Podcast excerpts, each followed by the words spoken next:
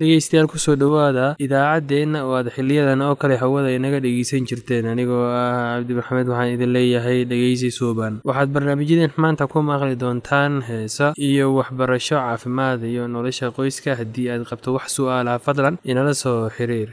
Ciwaankeenna waa radio somaly at yahu dt com. Mar labaad ciwaankeenna waa radio somaly at yahu dt com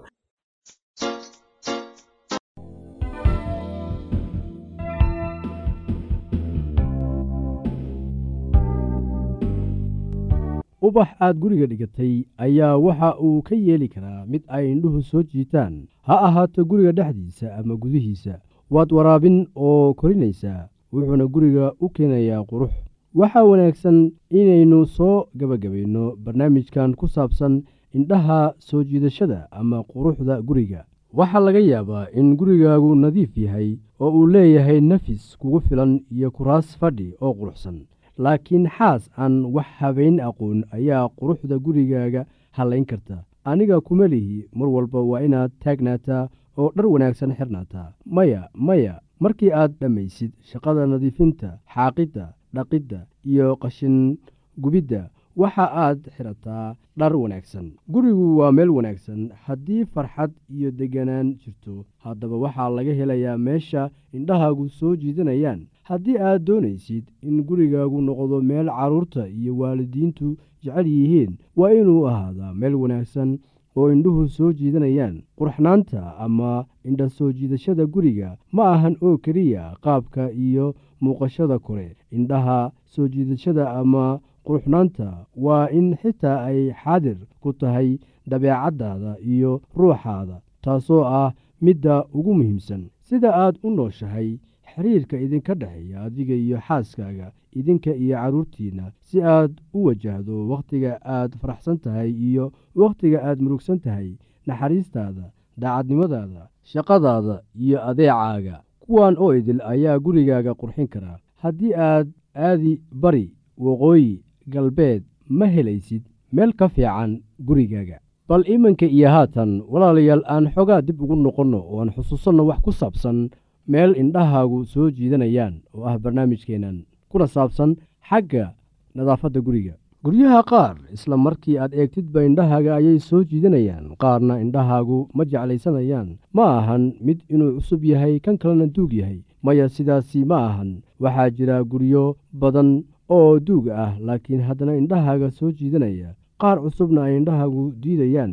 Waxaad isweydiisaa maxaa keenay kala duwanaanshahaas? Taasi waxay ku xidhan tahay qofka dooqiisa waxa uu doorbidayo waxa uu jecel yahay iyo waxa uusan jeclayn. Inaad gurigaaga wanaajiso oo aad qurxiso macnaheedu ma ahan inaad isticmaashid lacag badan. Bal marka hore aynu sharaxno oraahda ah indha soo jiidasho taasoo aan aad ugu isticmaalayno barnaamijkan. Gabdhaha qaar ayaa waxa ay ku fikiraan labis indhaha soo jiita inuu yahay oo qura kan casriga ah ee ugu dambeeya ama darees laga soo iibiyey magaalada laakiin sidan ma ahan xitaa marka la eego labiska.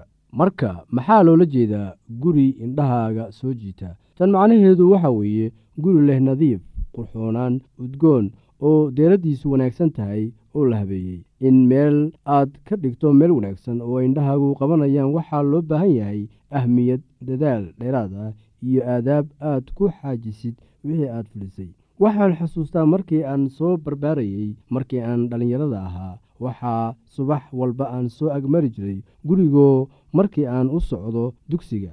Markii hore waxaynu u fiirsanay oo aynu aragnay in gurigaas iyo kan u dhow ee deriska la ah aanay isku mid ahayn. Labada guriba waxaa ku yaalay geedo halka iridda laga soo galo. Gurigan qaas ahaan mar waliba waxa uu ahaa nadiif oo waa la xaaqay. Caleyntii soo daadatayna waa laga guray xitaa waxaad arki kartaa caleynta qoyan ee soo daadatay kadib markii halkaasi la xaaqay. Mar waliba oo aynu meeshaas soo marnaba gurigaasi waxa uu ahaa nadiif oo waxaynu u bixinnay magac innaga oo ugu yeerayna nadiifsane. Runtii ninkan waxa uu lahaa ahamiyad iyo dadaal uu samaynayey iyo aadaab awood siisay inuu shaqadan fuliyo oo ay meeshu ahaato nadiif isbuuc ka isbuuc. Hase yeeshee abaalgudka dadaalkiisu waxa uu noqday mid ka weyn kii uu filanayey waxaad dareemaysaa waayo aragnimo ah isku kalsoonaan iyo waxqabad marka adiga laftaada aad gacan ku leedahay. Dadaal kasta way u qalantaa haddii ay tahay guriga gudihiisa ama dibaddiisaba.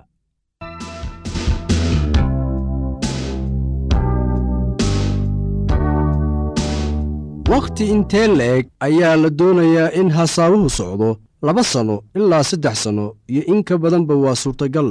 Inkastoo waayahan labada isguursanaysa ay ugu yaraan hal sanno si dhab ah u wada hasaawaan. Intaa aanay go'aansan inay isguursadaan. Haddii aad tahay qof caadi ah oo aad raadinaysid qof aad guursatid oo aad doonaysid inaad hesho qofkan qaaska ah oo aad rabtid inta noloshaada ka dhiman inaad la qaybsatid isaga hase yeeshee waxaa jira dad badan oo ku dheggan fikradda ah in qofka ay guursan doonaan uu adduunka uun meel ka joogo oo ilaah u qoray taasoo runtii ah mid uu shaki ku jiro. Waa maxay fikradda aad ka qabtid kuwa isguursanaya? Hal qof oo qura miyaa kugu diyaar ah adduunka mise waxaad leedahay awood aad doorasho kaga samaysid dadka aad maalin kasta la kulantid qofka leh dabeecadda wanaagsan oo deggan waxa uu guursan karaa cid nooc waliba ah isaga oo ku faraxsan. Qofka aan waxgaradka ahayn mardhaba ma faraxsanaanayo cid kasta oo uu guursadaba guurku kama yeelayo qofka aan qaangaarka ahayn ama waxgaradka ahayn inuu noqdo qaangaar ama waxgarad. Laakiin kuwa faraxsan oo qaangaarka ah waxa ay gaaraan guur guul leh. Inkastoo dadka aad la kulmaysid cadadkoodu uu aad u badan yahay tan macnaheedu ma ahan in aad guursan kartid qof kasta oo aad la kulantid. Waa in si xigmadii ku jirto aad u dooratid waa maxay dabeecadaha aad ka raadinaysid qofka aad rabtid inaad guursatid? Waxaa jira toban qodob oo kuu sheegi kara in qofka aad rabtid uu xamili karo ama leeyahay awoodda guurka. Qodobadiinna waa kuwan. Qofka aad rabtid waa inuu ku faraxsan yahay reerkooda. Yaraantiisii uu ahaa mid faraxsan oo aanay wax khilaaf ah u dhexaynin isaga iyo hooyadiis oo uu ka dhashay qoys aadaab leh oo qodobadii aynu kor ku soo sheegnay aad muhiim u yihiin. Waxaana la doonayaa inaad wax fudud u qaadanin marka aad dooranaysid qofka aad guursan rabtid. Sannooyinkaagii hore ee aad waalidiintaada kula noolayd gurigiinna ayaa waxa ay sutida u hayeen guusha guurkaada haddii si loo fiiriyo waalidiintaada waxa aad ka baranaysaa sida dhibaatooyinka loo xaliyo marka ay kula soo gudboonaadaan sida looga hadlo oo loola qaybsado dadka kale sida xiriir wanaagsan uga dhexeeyaan ninka iyo naagta isqaba sida loo soo dhoweeyo carruurta sida loo isticmaalo lacagta iyo sida loo xaliyo xaalado kale oo badan oo nolosha quseeya waxaynu filaynaa in wixii aad halkan ka barateen aad isticmaali doontaan marka isu tababushaynaysaan inaad guursataan.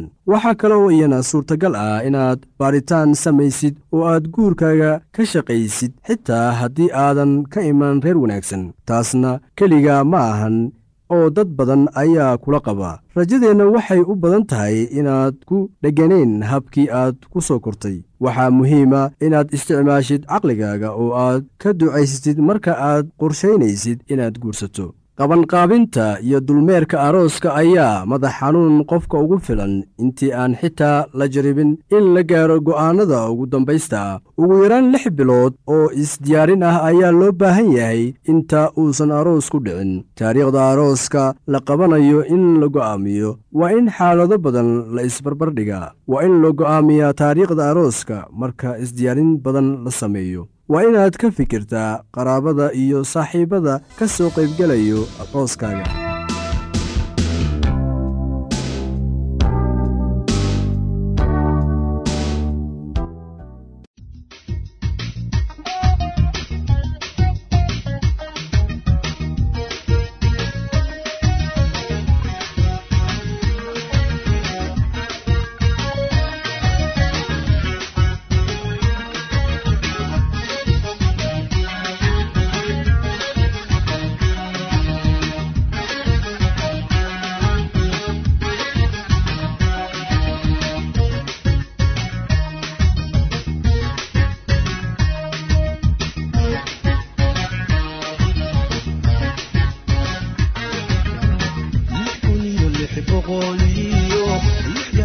the world.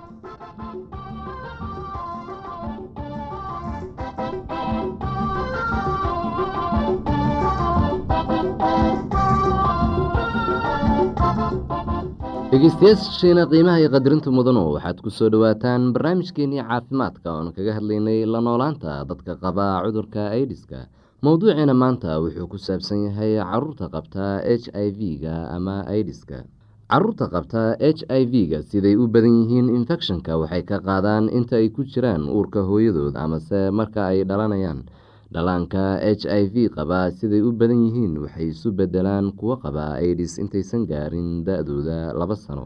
Qaarkoodse waxay ahaadaan kuwo caafimaad qaba ilaa intay gaarayaan lix sano.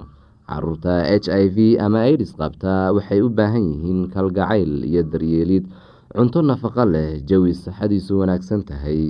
Waa in takhtar loo geeyaa marka ay xanuunsadaan carruurta halis ma aha haddii la xambaaro ama laysu duubo carruurta qabta h i v-ga ama aidiska h i v kuma faafo carruurta kaadidooda calyadooda saxaradooda ama matagooda.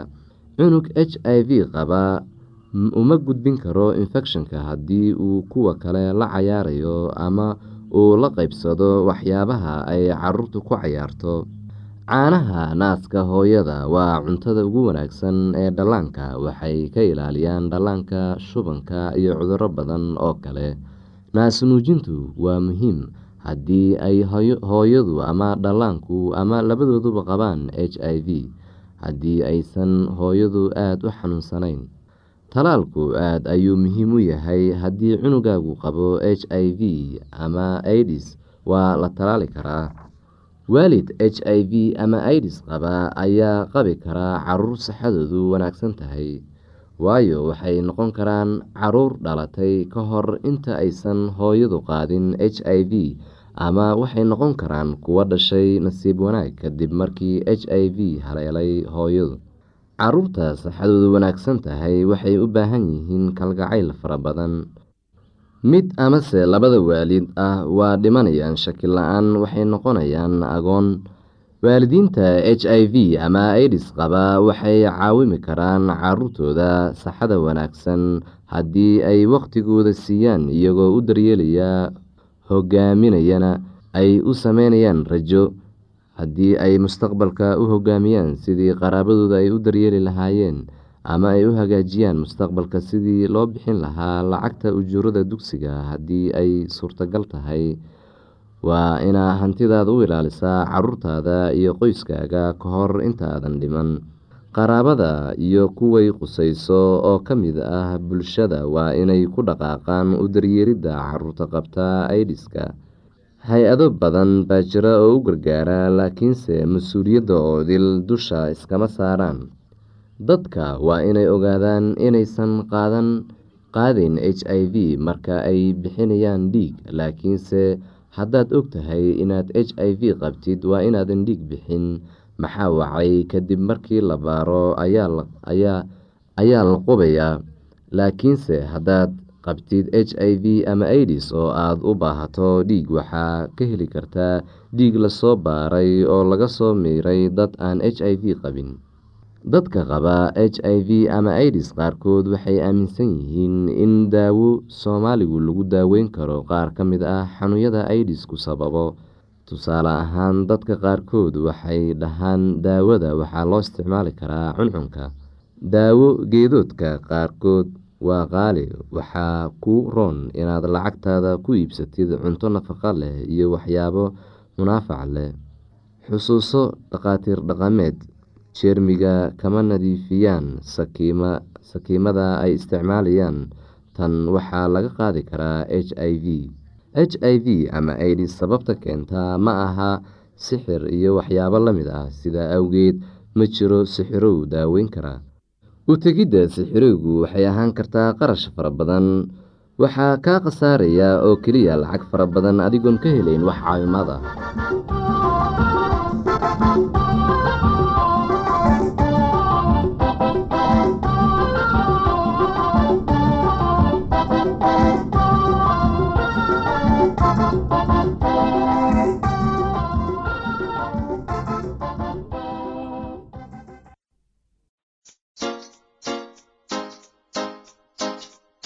Thank you.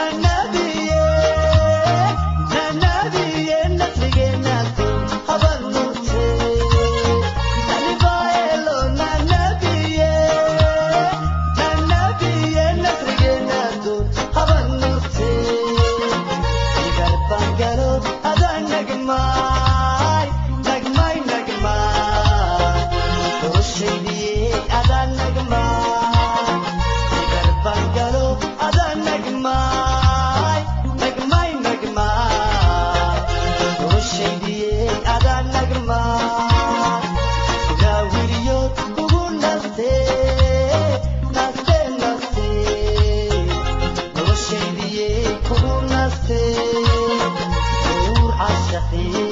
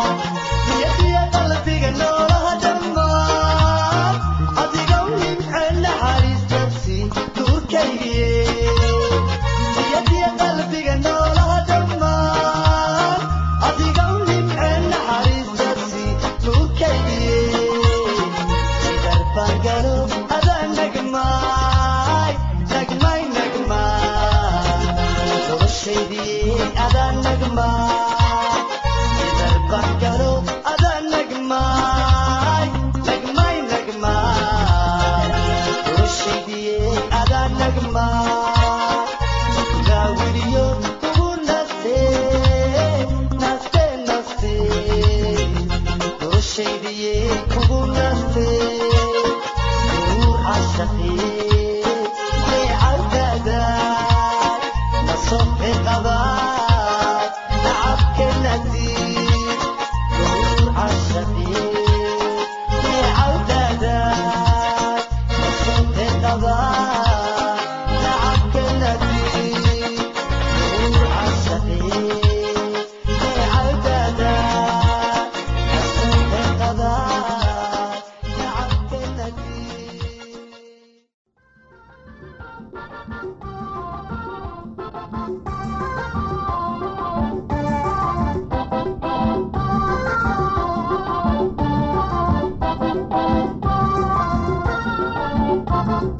dhegeystayaasheena qiimaha iyo qadarinta mudanu waxaad ku soo dhowaataan barnaamijkii caafimaadka oon kaga hadlaynay la noolaanta dadka qaba aidiska mowduuciina maanta wuxuu ku saabsan yahay ka hortegidda infekshanka h i v-ga iyo aidiska waxaa faafiya h i v ama aidis dhiig iyo dheecaanka galmoodka. Haddaad qabtid h i v ama aidis ha ka welwelin inaad qoyskaaga u gudbiso fayraska inta ay socoto nolol maalmeedku laakiinse haddaad rabtid inaad naf ahaantaada iyo kuwa kaleba ilaaliso waa inaad yeelataa dhowr digtoonaan waa inaad iska ilaalisaa jeermiga adigoo saxada gurigaaga wanaajinaya. Dabool dhaawac kasta oo kugu yaal dadka kugu gargaaraya daryeelidda jirkaaga waa inay iyaguna daboolaan hadday dhaawac qabaan. Ka fijignow haddii dhiig kaa socdo ama ay jiraan dhar dhiig ku yaal biyo karkarsan ku dhex rid dharka iyo wax kasta oo dhiiga gaaray. Jeermiga h i v-ga kuma noolaan karo biyo karkarsan iyo markii wax badan uu qoraxda ama meel qalalan u yaal. Waa fikrad wanaagsan inaad ka fogeyso burushka ilkaha ama cadigaaga iyo sakiinta garka lagu xiirto o aada isticmaasho qoyskaaga kuwo ka mid ah. Dad badan oo qaba h i v iyo aidis waxay ka helaan xog la tashiga iyo daryeelka niyadda welwelka ayaa ka yaraanaya. Dadka h i v ama aidis qaba waa inay iyagoo xoriyad dareemaya u tagaan culimada diinta ay aaminsan yihiin. Diimaha oo idil waxay leeyihiin ducooyin loogu duceeyo dadka xanuunsada. Wadaadka wuxuu ku bari karaa sidaad xiriir fiican ula yeelan lahayd ilaahay iyo inaad ilaah u weydiisid iyo sidaad ilaah u weydiisan lahayd inuu ka qaado mushkiladda ku haysata. U dhowaanta ilaah waxay kaa caawineysaa inaad iscafiso oood is ogolaatid dadka kalena ogolaatid. Waxay kaloo kaa caawineysaa inaad runta ogaatid oo aad markaas ku noolaatid xaqiiqada. Dadka qaarkiis wuxuu aaminsan yahay in hadalka ilaah uu yahay gargaar weyn. Akhrinta kutubada ilaahay waxay dadku ka helaan fariimo qalbigooda u wanaagsan oo dhiirigelin siinaya. Gargaar ayay leedahay xitaa marka aad qof kale ilaah la baryeysid waxaad la qaybsan kartaa walwalkaaga iyo walaacaaga haddaad dareemeysid in lagu takoorayo ha hilmaamin in naxariista ilaah mar walbo kuu furan tahay. Aaminaadda ilaah waxay kaa gudbin kartaa marxaladaha adag daryeelka niyadda wuxuu dadka h i v-ga ama aidiska qaba ka caawiyaa inay wajahaan tijaabooyinka jirada wuxuu xitaa ka caawiyaa inay u diyaargaroobaan geerida. Waa muhiim in loo diyaargaroobo geerida fiicnaan. Ayaa dareemeysaa haddaad samaysato mustaqbal ama haddaad samaysato ama aada hagaajisato howlahaaga ama haddaad dhibaato ama muranka ku xalisid adigoo nabad ku dhammaynaya. Waxaa kale oo fiican oo fiicnaan dareemeysaa haddaad toobo keentid qof weliba geerida ayuu sugayaa. Geeridu waa qeyb ka mid ah nolosheenu. Kulligiin maalin maalmaha ka mid ah ayaan dhiman doonaa laakiin sababta geerida keenaysa ayaa muhiim ah. Waxaa aada u fiican in la geeriyoodo adigoo kula joogaan dad aada jeceshahay haddaad geerida ogolaato walwal la'aan geesinimadaadu waxay bedeli kartaa niyadda nolosha kuwa kaa dambeeya. Sida badan waxaa la ogsoon yahay walwalka aan ka qabno ayaa geerida naga baqdin geliya laakiin waa inaad haminto ood rumayso ballanqaadyada ilaah